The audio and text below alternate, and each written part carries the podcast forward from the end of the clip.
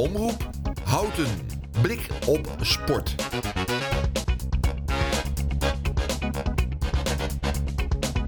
Ja, dat was weer de leader van Blik op Sport van Omroep Houten. Welkom bij de derde uitzending van, uh, van Blik op Sport. Uh, naast mij zit uh, Mout. Mout, wat gaan wij allemaal doen vandaag in de uitzending? We hebben vandaag weer een vol programma. We spreken met top judoka in wording Irene Hessling op het instaptoernooi in Houten. Ook horen jullie weer de resultaten van de grootste sportclubs van Houten. En checken we weer de emoties van de voetbalsupporters van Ajax, PSV en Feyenoord. We zoeken nog iemand uit Houten die voor Utrecht is. Dus meld je vooral aan.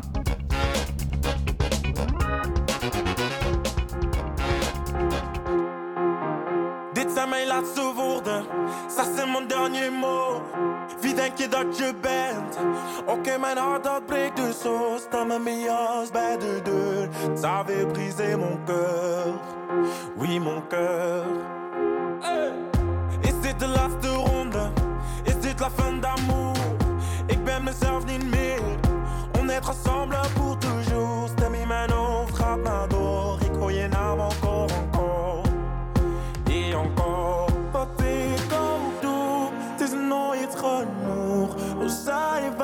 klaar? Est-ce que c'est tout? Als je moet gaan, ga dan meteen. Dan dans ik wel alleen. La da da da da da da. La da da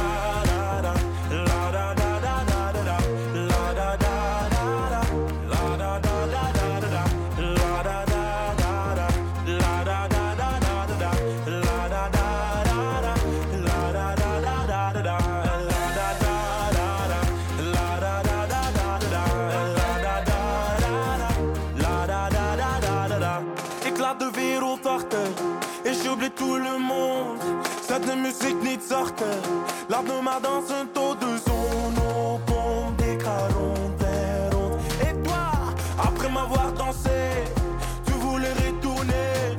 Tu voulais quoi C'était ton choix, mais c'est que t'as oublié. C'était mi mano, trapado. Et koyenam encore, encore.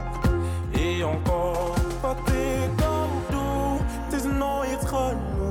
Oh, sorry, by Clark. Est-ce que Als je moet gaan, ga dan meteen. Dan dans ik wel alleen.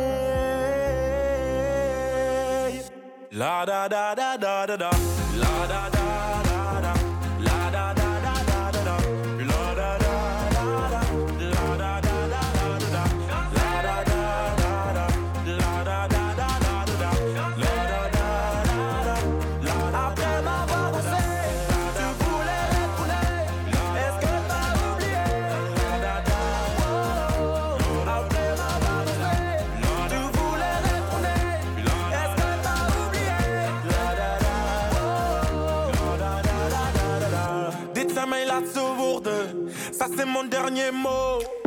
know what? Lucas and Steve, Blackstreet, no diggity, no doubt. Sure to get down, good lord. Baby got 'em open all over town. Strictly bitch, you don't play around. Cover much ground, got game by the pound. Getting paid is a forte, each and every day. True play away, I can't get her out of my mind. I think about the girl all the time. East side to the west side, pushing back rise, but no surprise. She got tricks in the stash, stacking up the cash, fast when it comes I know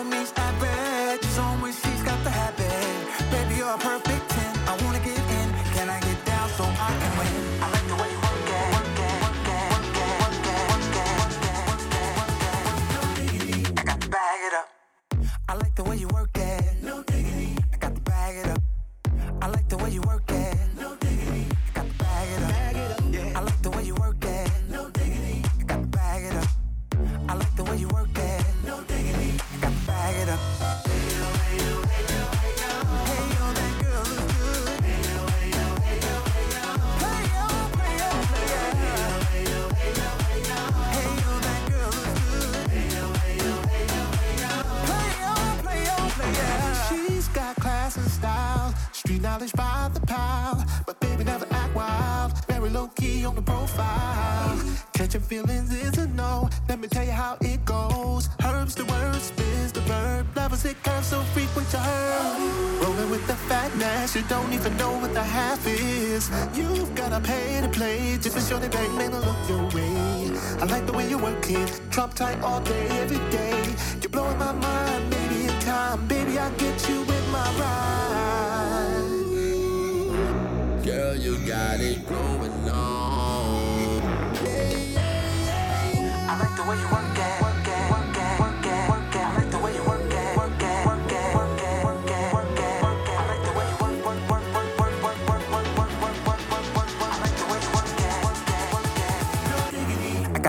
it up.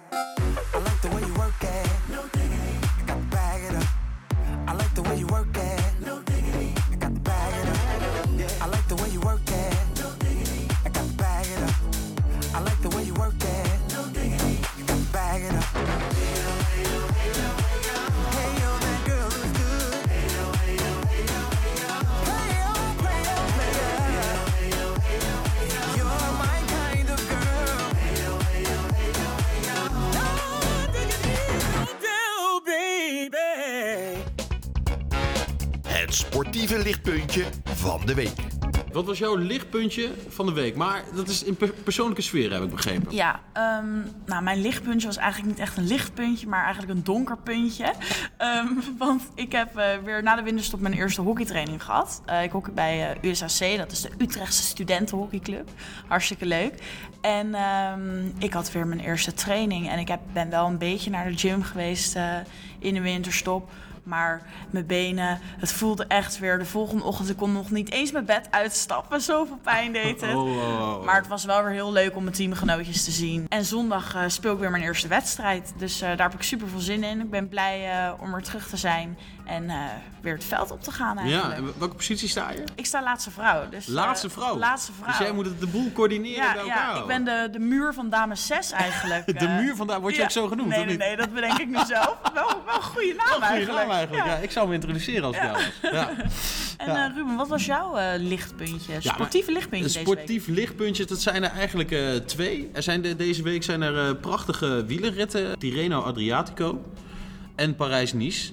En eh, ook de Nederlanders laten, weer- laten zich weer van zich spreken. Een, een sprinter, Olaf Kooi, heeft deze week een etappe gewonnen. En dat is eigenlijk wel bijzonder. Ik denk dat we echt jarenlang geen goede sprinters hebben gehad naar Jeroen Blijlevens. Maar nu hebben we opeens Jacobsen, Groenewegen en ook Olaf, Olaf Kooi. 21 jaar, Jumbo-Visma.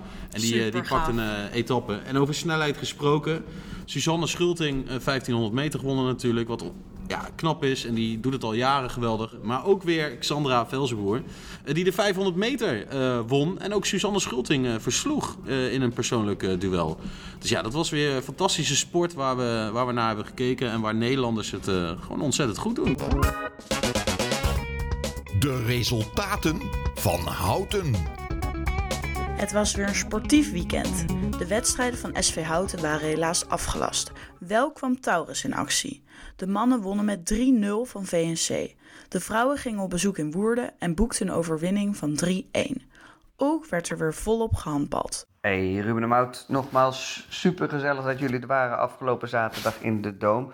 Ehm, wat betreft de dames en heren van Handbalhouten. De dames speelden afgelopen zaterdag een thuiswedstrijd tegen koploper Tachels. Het stond 4-5 bij rust, één puntje achter, weinig doelpuntjes die eerste helft. De tweede helft werd een en ander rechtgezet. Ze gingen erop en erover met heel goed spel. En uiteindelijk wonnen ze zelfs met ruime cijfers met 19-11. Ehm uitblinkster was keepster Yvette Sekeria. En met deze overwinning blijven zij meedoen in de strijd om het kampioenschap in de hoofdklasse. Ze staan nu nog slechts één puntje achter op koploper Tachels. In de eredivisie deden de heren van de Doom Handbalhouten wat ze moesten doen en ze wonnen ruim van Vrone Berdos 24-40. Volgende week staat er een tegenstander van ander kaliber op het programma. Dan komt om 7 uur in de Doom in Houten eh, het Haagse Hellas op bezoek. We verwachten een wedstrijd met veel spektakel. Sponsoren, burgemeester zijn uitgenodigd. We hopen op veel publiek. Toegang is gratis. De supporters van Houten. Ja, hallo beste mensen. Dit weekend was het PSV Cambuur. Eh, ik ben zelf in het stadion geweest bij die wedstrijd. PSV eh, ja, had nog wel even wat goed te maken tegen Cambuur na die eh, 3-0 uitnederlaag. Wat trouwens onthutsend slechte wedstrijd was. Vandaag was het eh, ja, eigenlijk 5-2, dan denkt iedereen van, nou god, dat is wel een hele goede uitslag eh, van PSV met goed voetbal. Nou, eigenlijk niets was minder waar. PSV kwam eigenlijk de eerste helft heel goed weg. Dat eh Cambuur toch wel vrij veel goede kansen miste. En eh, uiteindelijk was eh, de ruststand 1-1. En de tweede helft eh, is PSV er wel in geslaagd om eh, meer afstand van, eh, van Cambuur te nemen. En uiteindelijk met, met 5-2 gewonnen, maar het was echt allesbehalve eh, overtuigend. En ja, goed, het, moeten we ons maar afvragen van, of ze hopelijk wel wat beter kunnen gaan voetballen de komende wedstrijden. Want anders wordt het nog heel lastig om zelfs maar plek 3 te halen. Nou, we gaan het zien. In ieder geval eh, volgende week eh, speelt PSV een uitwedstrijd in Arnhem tegen Vitesse. En eh, nou, daarvan komt uiteraard ook weer een kort verslag. toch, toch allereerst een compliment voor Volendam. Die echt heel snel, eh, in de twaalfde minuut geloof ik, eh, een heel simpel doelpunt maakt. En dat maakt ook dat Feyenoord iedere keer zo'n wedstrijd weer spannend weet te maken. Dan moeten ze er weer achteraan, wat ze natuurlijk ook wel gelijk goed doen. Jiménez, die eh, een behoorlijke belangrijke rol gespeeld heeft. Wat op zich ook wel weer opvallend is, omdat hij net bij de wedstrijd tegen Shakhtar... eh, de, ehm, dat hij daar eigenlijk eh, op de... Nou, dat er iets aan de hand was. Hij had zich geblesseerd net voor de wedstrijd. Dus die heeft zich snel hersteld en, en goed hersteld. Ehm, ik vond dat de wedstrijd uiteindelijk wel door Feyenoord gewonnen moet worden. Maar hij snapt inderdaad niet zo goed wat er aan de hand is als je iedere keer eh, erachteraan moet. Is er dan, eh, gaan ze er dan toch makkelijk het veld op? Of, eh, nou ja, we gaan het zien. Volgende week belangrijke krachtmeting tussen Feyenoord en Ajax. Eh, volgens Rafael van der Vaart wordt het 3-0 voor Ajax. Volgens eh, Pierre van Hooijdonk wordt het 3-0 voor Feyenoord. En de rest van de analisten die zit er een beetje tussenin. Maar die denkt wel dat eh, eh, de, de ploeg van Arne Slot eh, in ieder geval het karakter heeft om zo lang door te zetten dat, dat Ajax... Ajax heeft de kwaliteiten, maar Feyenoord heeft het doorzettingsvermogen. Ik denk persoonlijk ook dat Feyenoord gaat winnen. Yes! Ja, hier bij een verslag van Heerenveen Ajax. De eind- einduitslag is 2-4. Nou, het eerste half uur was Ajax eh, van, ja, fantastisch. Lekker snel voetbal. En binnen 20 minuten stonden we op 3-0 voor. Doelpunt van Bergwijn. Onder andere eh Kudus en eh, Alvarez. Alvarez was trouwens een mooi afstandsschot. Na de, twee- na de 3-0 besloot Kees van Wonderen, de trainer van Heerenveen, meteen drie spelers te wisselen. En eigenlijk wat was, had hij dat beter in het begin kunnen doen, want Heerenveen werd daardoor wel sterker. Met veel ballen aan vanuit de zijkant pompten ze de bal in de 16 meter van Ajax. En het, eh, ja, dat had wel succes, want het eh, leverde mooi een doelpunt op van Heerenveen. Het werd, eh, het werd eh, 1-3. En eigenlijk was het een fout van de twee centrale verdedigers. De centrale, centrale verdedigers zaten eigenlijk naar elkaar te, kijken. En, ehm, ja, en de een dacht dat de ander hem pakte. Maar ondertussen ging de spits er vandoor. De tweede helft werd het eh 2-4 uiteindelijk. Met nog een eh, doelpunt. Even hoor, van eh, Taylor. Taylor schoot nog de, de vierde in. En uiteindelijk eh, scoorde Sidney van Hooijdonk. Die scoorde de, de tweede voor Herenveen. En ook dat was weer een ja, fout tussen de twee centrale verdedigers. Hij stond precies tussen, tussen hun in. En allebei dachten ze van nou, hij pakt hem wel. Eigenlijk vond ik Timber vandaag de minste Ajaxiet. En dat komt omdat hij eh, toch verdedigend achterin niet goed communiceert met, eh, met, met Bassi. Hij staat er al wat langer en hij weet gewoon hoe de hazen lopen. En hij heeft ook een paar keer van die trekjes dat hij loopt te zeuren bij de scheidsrechter. En dat vind ik toch al niet, eh, niet, niet passen bij een goede voetballer. Een goede voetballer moet niet steeds zitten zeuren over overtreding andere dingen. Maar die moet gewoon zijn, eh, ja, zijn been laten spreken en gewoon lekker voetballen. Maar goed, uiteindelijk een lekkere wedstrijd. Bergwijn zit weer goed in de lift. Dus we gaan met vertrouwen volgende week zondag tegemoet. En hopen dat Ajax dan eh Feyenoord van de mat veegt. En dat we dan eh, uiteindelijk op de eerste plaats staan. Oké, fijne avond nog. Tot de volgende keer. Er staan ons dus een paar zenuwslopende weken te wachten in de Eredivisie. We gaan luisteren naar het nummer Stiekem van Maan en Goldband. Daarna luisteren we naar Destiny's Child met Say My Name.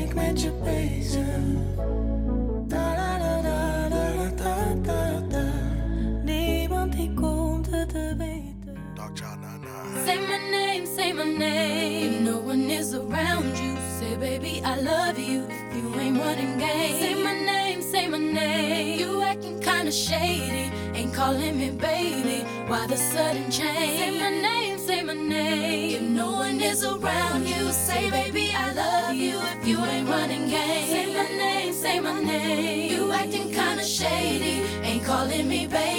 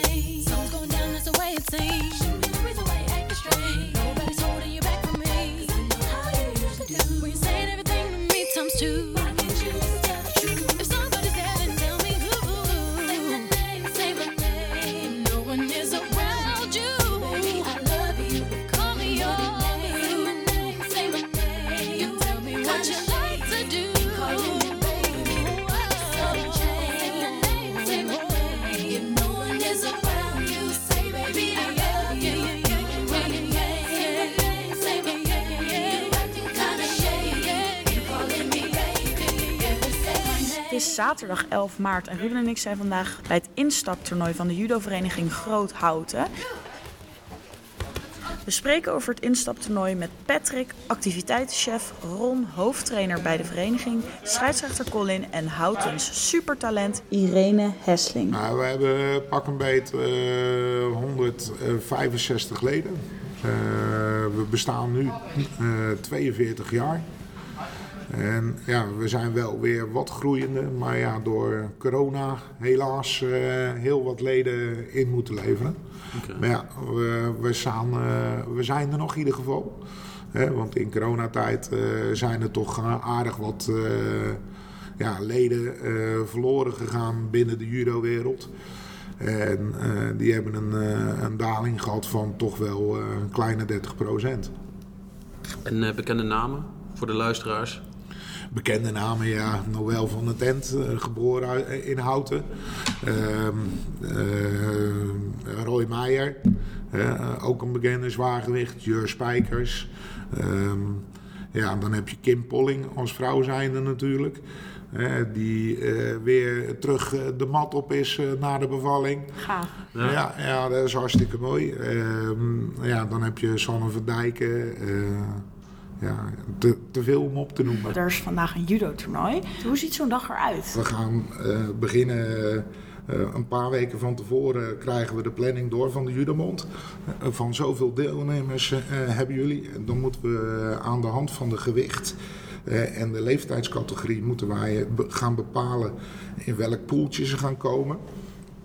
En dan kunnen wij dat communiceren naar verenigingen van zo laat eh, moet die aanwezig zijn, zo laat moet die aanwezig zijn. Dus ja, daar ben je eigenlijk al eh, eh, een twee weken van tevoren mee bezig. Maar dat gebeurt door onze wedstrijdsecretariaat. Vervolgens krijg ik ook door van, joh, ze hebben zoveel punten al behaald. Eh, waarschijnlijk is degene die nu dit weekend moet, die behaalt zoveel punten. en dan moet daar weer even een certificaat voor maken. Ja. Want voor de, voor de duidelijkheid, het toernooi is voor mensen uit de, uit de, uit de hele regio. Uit de regio, Ja. eh, eh, bepaalde verenigingen. Ja. Want de regio is natuurlijk best wel groot. Ja. Eh, wij kunnen niet alle verenigingen uit de regio hier kwijt in onze dojo. Nee. Daar zijn we dan net even te klein voor qua ruimte. Het is vandaag natuurlijk al behoorlijk druk, 130 deelnemers. Ja. Eh, Vervolgens, eh, als je er meer kwijt bent dan, eh, of krijgt, dan is de dag al helemaal lang. En op eh, zaterdagochtend beginnen we eerst met judoles. En dan komt normaliter om 1 uur de, ja, de instaptoernooi erachteraan. Maar ja, dat is nu vandaag al begonnen om 10 uur, omdat je zoveel deelnemers hebt. En dan vervolgens anders pas om 8 uur s'avonds klaar bent. Nou, dat wil je ook niet. Nee. Je zit toch met vrijwilligers. Dus. Ja, want we zien heel veel mensen rond- rondlopen. Wie zijn er allemaal bij betrokken op de, op de mat eh, zelf? Tatami. Op de tatami. ja. Ja. We hebben tafelschrijvers. Die houden eh, de tijd bij voor de scheidsrechters die op de mat staan. Scheidsrechters zijn de officiële scheidsrechters van de Jurobond. Dan heb je eh, twee mensen of drie mensen aan de tafel zitten. Want die eh, judoka's die eh, mogen niet hun eigen band om hebben. En dat komt meer uit het feit van, ja, dan staat er een eh, meisje of een jongetje tegenover me met de gele band, maar ik heb pas eh, de gele slip. Nou, dan raken ze in de stress. Dus er is van gezegd, de ene doet een witte band om, de andere doet een rode band om. En zo vervolgens eh, gaan ze tegen elkaar judoën. Net eh, tijdens de wedstrijd zagen we dat er een soort pitten zakje het veld in werd gegooid. Ja. Eh, dus er, er was een piep en toen werd er dat zakje ingegooid. W- w- wat is dat? Wat is dat? Het is eigenlijk eh, een teken voor de scheidsrechter eh, tot de wedstrijd is afgelopen. Eh, op deze leeftijd spelen ze twee minuten. Hè, en eh, op het moment dat eh, de wedstrijd begint, hè, wordt gezegd Hajime. Eh, dan gaan ze starten. Vervolgens zegt de scheidsrechter Maté. Nou, dan moet degene die achter de tafel zit, die moet even de tijd stilzetten. Hè, want je wilt wel die twee minuten laten judoën. Op het moment dat die twee minuten voorbij is, omdat de scheidsrechter de klok niet kan zien, wordt er zo'n pittenzakje op de mat gegooid. En dan weet hij, eh, de tijd is voorbij. En dan kan hij eh, de winnaar uitroepen. Ze mogen meedoen tot 12 jaar. En tot een maximum van 300 punten. Eh, ze krijgen bij elke deelname krijgen ze al sowieso standaard 10 punten voor stimulans om mee te doen. Om ze toch een beetje over de streep te trekken. Een beetje een soort met beloningssysteem.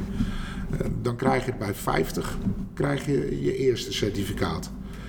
Bij eh 100 tweede, 150, 200, eh 250, 300. En dan is het einde oefening. En dan krijg je uiteindelijk een beker van de judobond eh, tot je die 300 punten hebt behaald. Je werd net eh, hoofdtrainer genoemd. Dat vond je zelf eh, niet zo'n leuke Ja, benaming volgens ja, mij. weet je, dus ik geef de meeste lessen eh, geef ik hier aan de, op de judo-vereniging. En ik loop nu al behoorlijk wat mee. De oprichter is hier, eh, daar ben ik eh, zelf onder les geweest. En die is, die is helaas gestopt. En ja, dan, dan word je zelf doorgeschoven naar de hoofdtrainer. Dus als er graduaties zijn of activiteiten, ben ik het leidende persoon die daarin eh, in bent. En dan uitzet naar andere mensen. Ehm, we hebben net een aantal wedstrijden gezien. Kan u voor de mensen thuis die geen idee hebben wat judo is en wat het inhoudt, eh, hoe ziet zo'n judo-wedstrijd eruit? Nou, judo is eigenlijk een, een, eh, een, eh, verdedigingssport. En ehm, judo is met bepaalde technieken, en heb je beentechnieken, heuptechnieken, schoudertechnieken, kan je iemand op de grond werpen. En daar kan je dan een waardering voor krijgen, met, met wedstrijden dan. Maar je kan ook op de grond kan je een score maken je met vast te houden, 20 seconden dan. Of als het ouder is, boven de 15, dan mag je ook verheugingen doen en dan mag je ook armklemmen doen. En eh, ja, dat is eigenlijk een klein beetje. Oké. Ja. Eh, en het duurt, zo'n wedstrijd duurt twee minuten volgens Ja, de jeugd zit al twee minuten. En ga je naar de min eh, 15, dan gaat het naar drie minuten. En zelfs vier minuten. Afhankelijk van het toernooi, welke toernooi het is. Ja. Ja, en dan in de, in de, met de echte profs, hoe, hoe lang zijn die wedstrijden Die dan? zijn vier minuten. Vier Ja, minuten? vier minuten. Ja. En dat kan behoorlijk intensief zijn. eh, ook al klinkt het heel kort, maar ja, het zijn, dat klopt. is heel Kijk, intensief. eh, je moet maar zo zien, probeer maar eens gewoon een, eh, iets te verplaatsen wat, wat je eigen lichaamsgewicht is. Dat kost best wel veel energie die je over moet brengen. En die staat ook nog naar jou te trekken en te duwen. Dus dat, eh, dat ziet er soms best wel heel ehm, statisch uit, maar er zit heel veel kracht erbij. Ja, klopt. En eh, hoe bereid je die kinderen nou voor op zo'n toernooi? Ja, zo'n instaptoernooi, dat, het woord zegt het al. Hè. Het instaptoernooi is om in te stappen en om te wennen aan wedstrijden.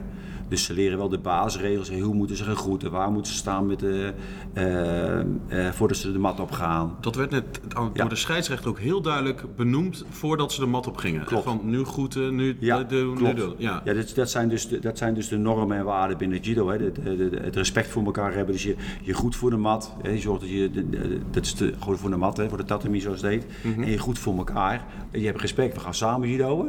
En we gaan knokken tegen elkaar, tussen aanhalingstekens. Maar ja, als één wint, dan prima.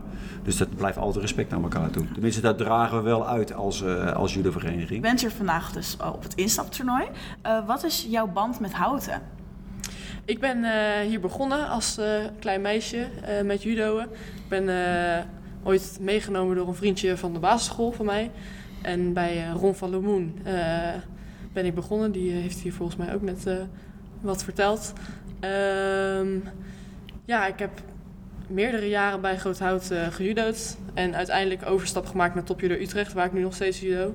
Maar ik probeer wel nou ja, instaptoernooien. En eh, morgen is er nog een eh, wedstrijd ook in Houten. gewoon mee te helpen. Want ja, ik vind het hartstikke gezellig nog steeds hier. En, Ja. ja. Want hoe oud was je toen je begon met, met judo? Zeven jaar. Zeven jaar. Ja, ik ben nu bijna 19. Over eh, een weekje. Dus, eh, Oké. Alvast gefeliciteerd. En wanneer kwam je erachter van, hé, hey, dit, is, dit is leuk en ik ben er ook nog een beetje goed in? Nou, dit is leuk. kwam ik echt eigenlijk gelijk de eerste proefles achter. Ik heb eerst eh, waterpolo gedaan. Ehm, mijn broer die deed dat. En nou ja, weet je, als je je broer dat doet, nou, dan ga je dat ook doen. Want eh, Ja. dat ziet er dan leuk uit. Maar eh, dat was niet echt een sport voor mij. En toen eh, heb ik dus één keer die proefles gedaan. En ik kwam gelijk na die proefles naar mijn moeder van... Nou, ik vind het echt zo leuk. Echt, eh, ja, ik weet niet. Het eh, was gelijk eh, echt top. En... ehm, nou, ik ben ook dus met instapwedstrijdjes begonnen, zoals hier nu bij Houten ook wordt georganiseerd. En ik was ook best wel goed in judo al vanaf het begin. Dus daar ben ik ook in doorgegroeid. Ja, dat. Cool. Ja. En ehm, hoe zien jouw huidige weken eruit? Wat, wat, wat doe je nu in een week? Ik judo nu echt wel best wel veel, op hoog niveau ook. Eh, ik train zes keer in de week. En dan eh, zondag is eh, even rustdag en de rest van de dagen is gewoon elke dag een training.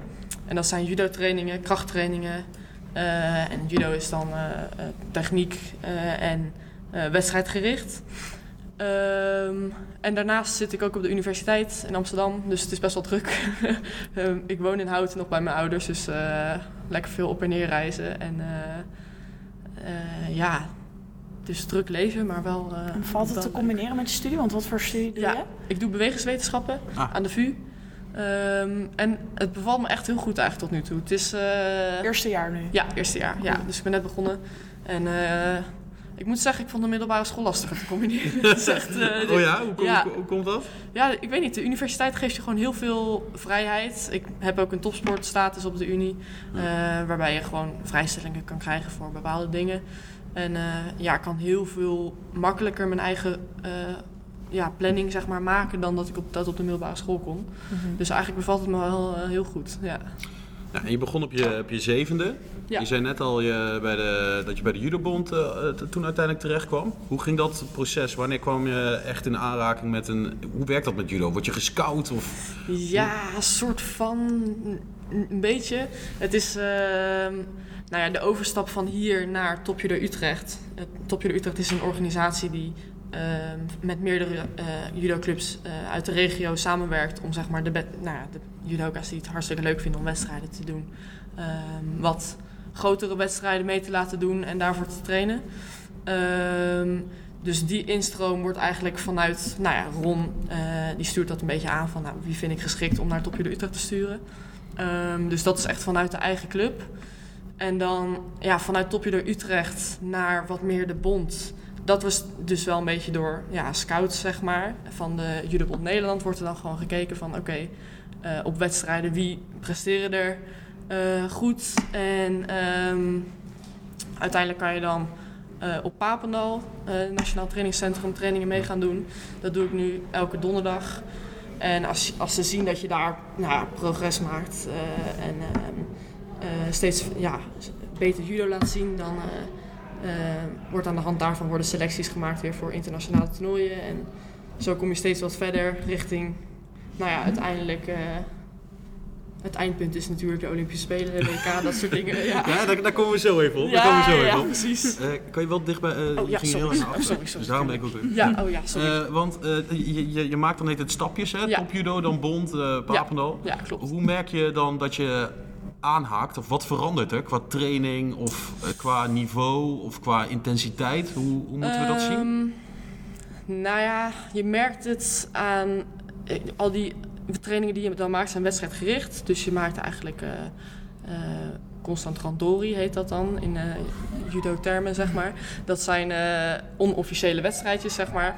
Ehm, en bijvoorbeeld op Papendal toen ik mijn eerste training daar maakte, werd ik door iedereen echt keihard op mijn rug gegooid. En eh, kon ik echt bijna geen verzet bieden. En nou, na een tijdje dan merk je toch wel van, oh, ik kan toch wel een beetje mijn eigen pakking wat meer krijgen. En, eh, en af en toe een puntje scoren. En nu zeker, eh, merk, ik merk het nu echt heel erg dat, dat ik echt verbetering heb gemaakt. Ehm, als, ik, ja, als ik met diezelfde judoka's dan judo en dan gewoon punten score, dan denk ik, nou...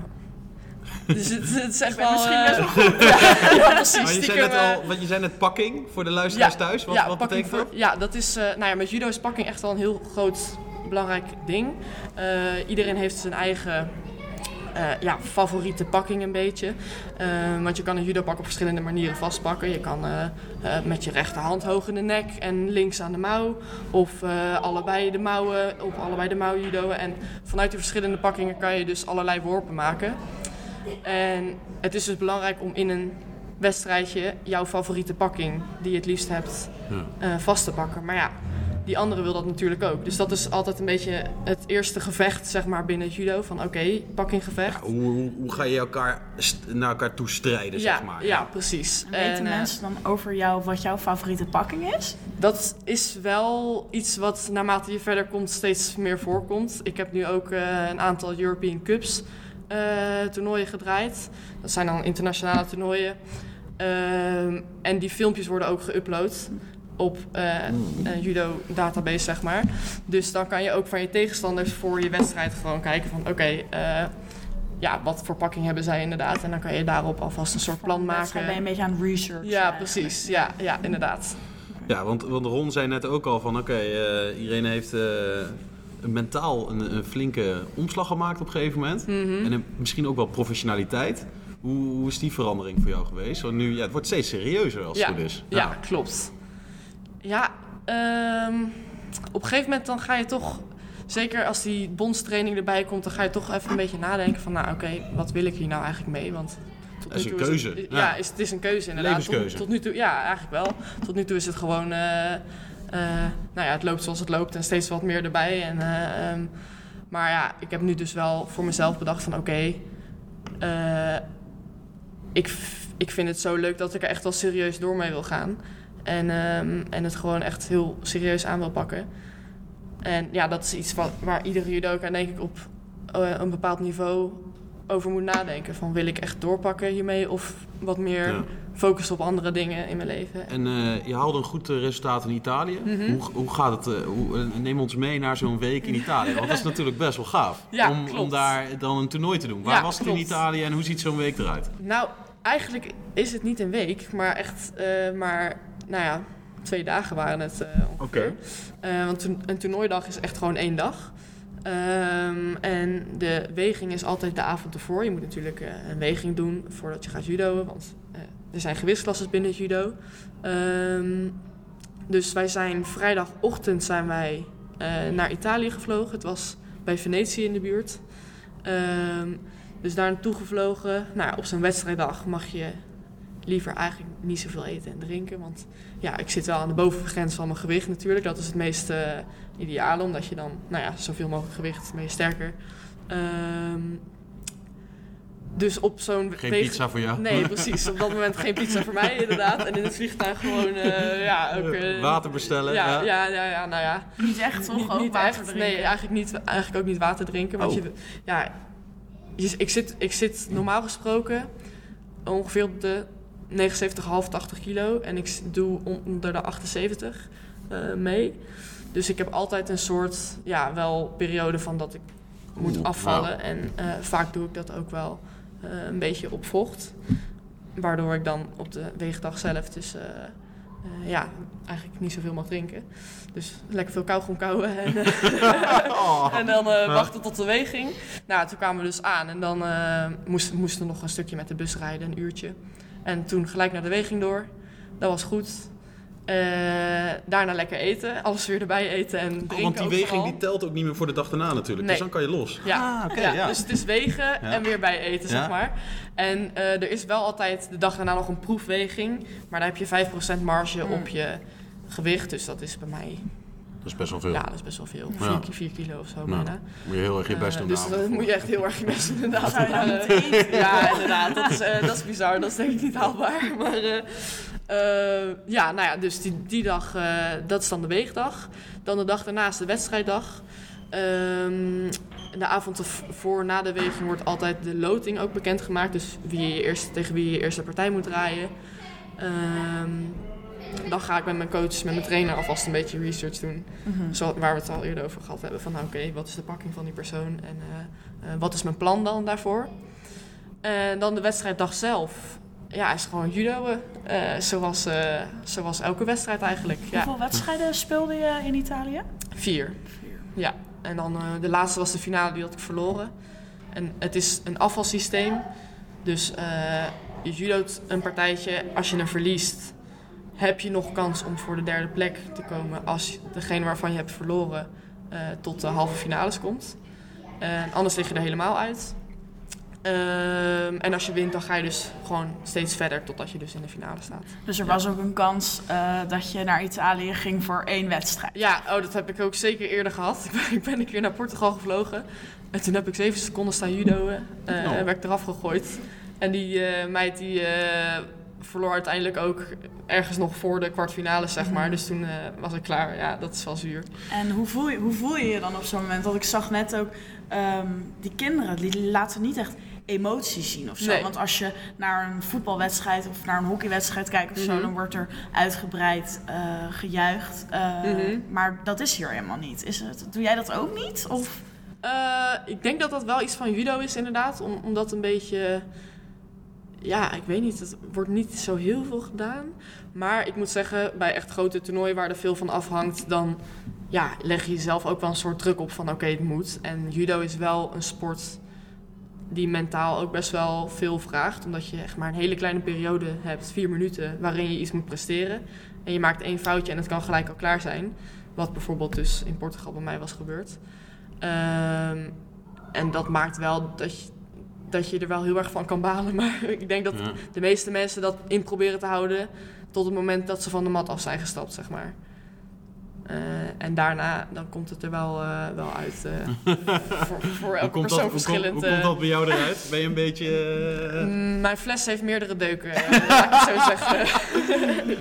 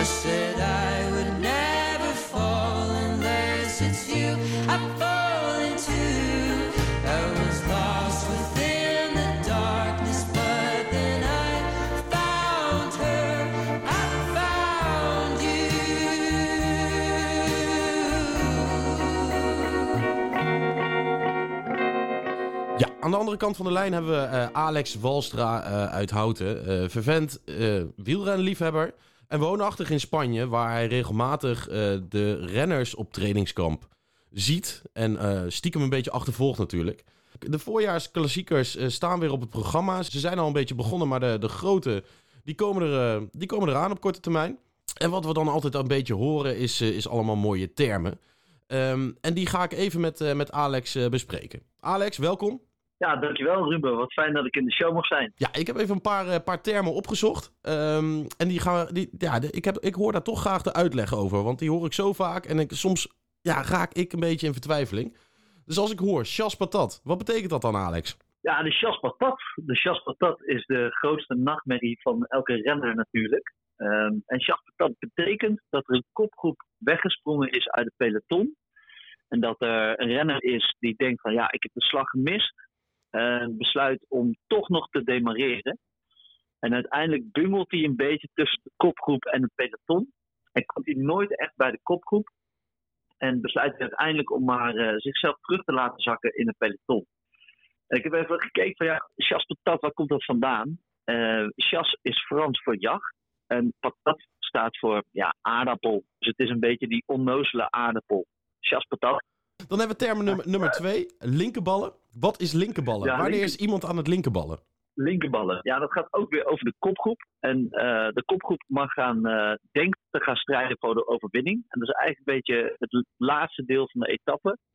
En de hele dag fietsen ze door en dan komen ze bij het laatste. En dan gaan ze een beetje naar elkaar kijken. Want ze willen natuurlijk allemaal winnen.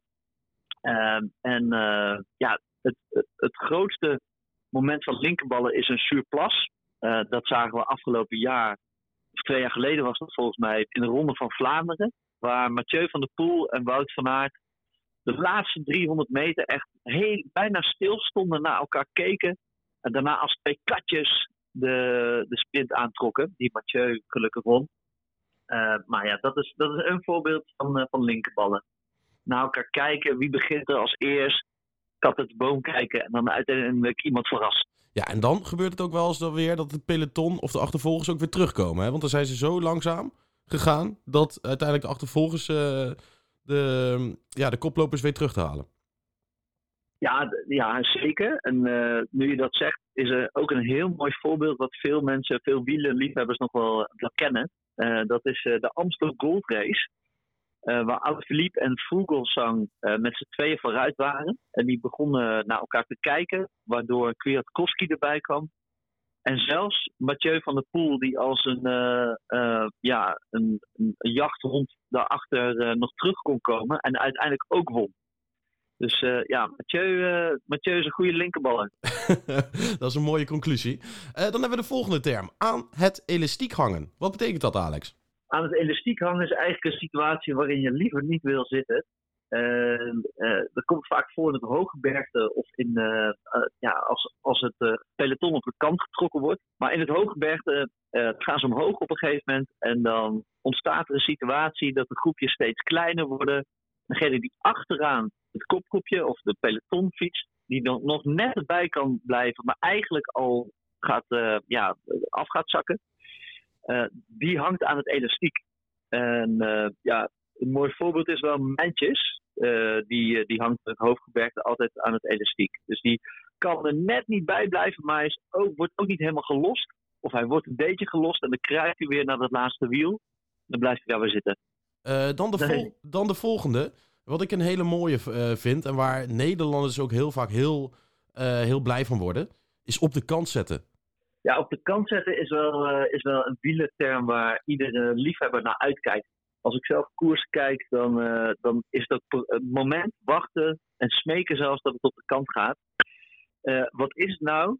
Het is ehm, op het moment dat de wind van voren, van voor aan de zijkant komt, ehm, kun je het op de kant trekken. En dat betekent dat als er veel wind staat, eh, dat je in een waaier achter elkaar moet gaan fietsen.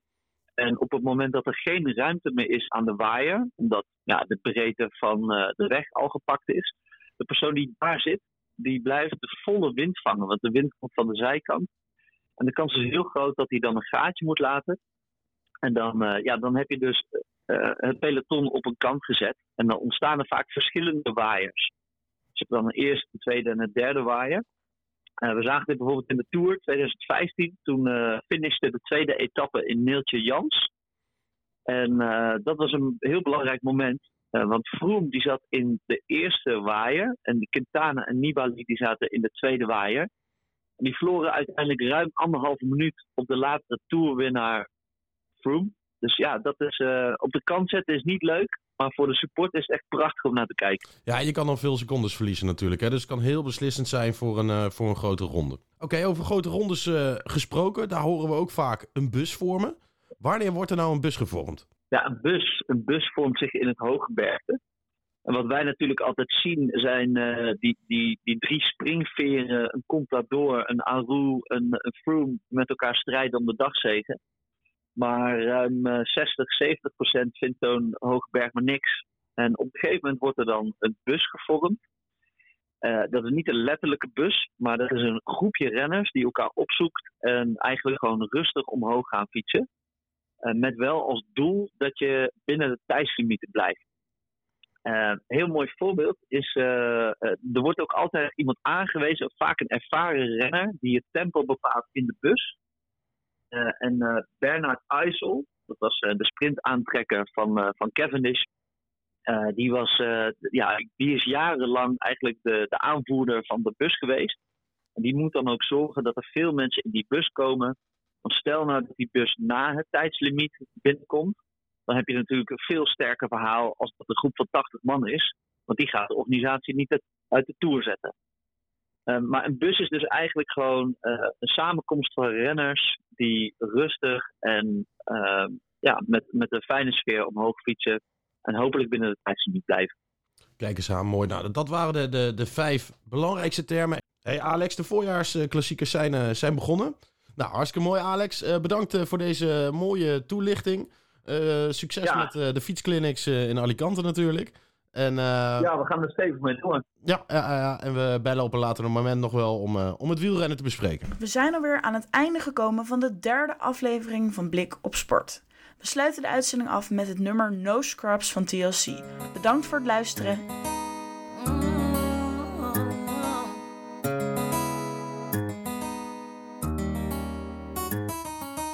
A is a guy that thinks he's fine, is also known as a buster. what he wants and just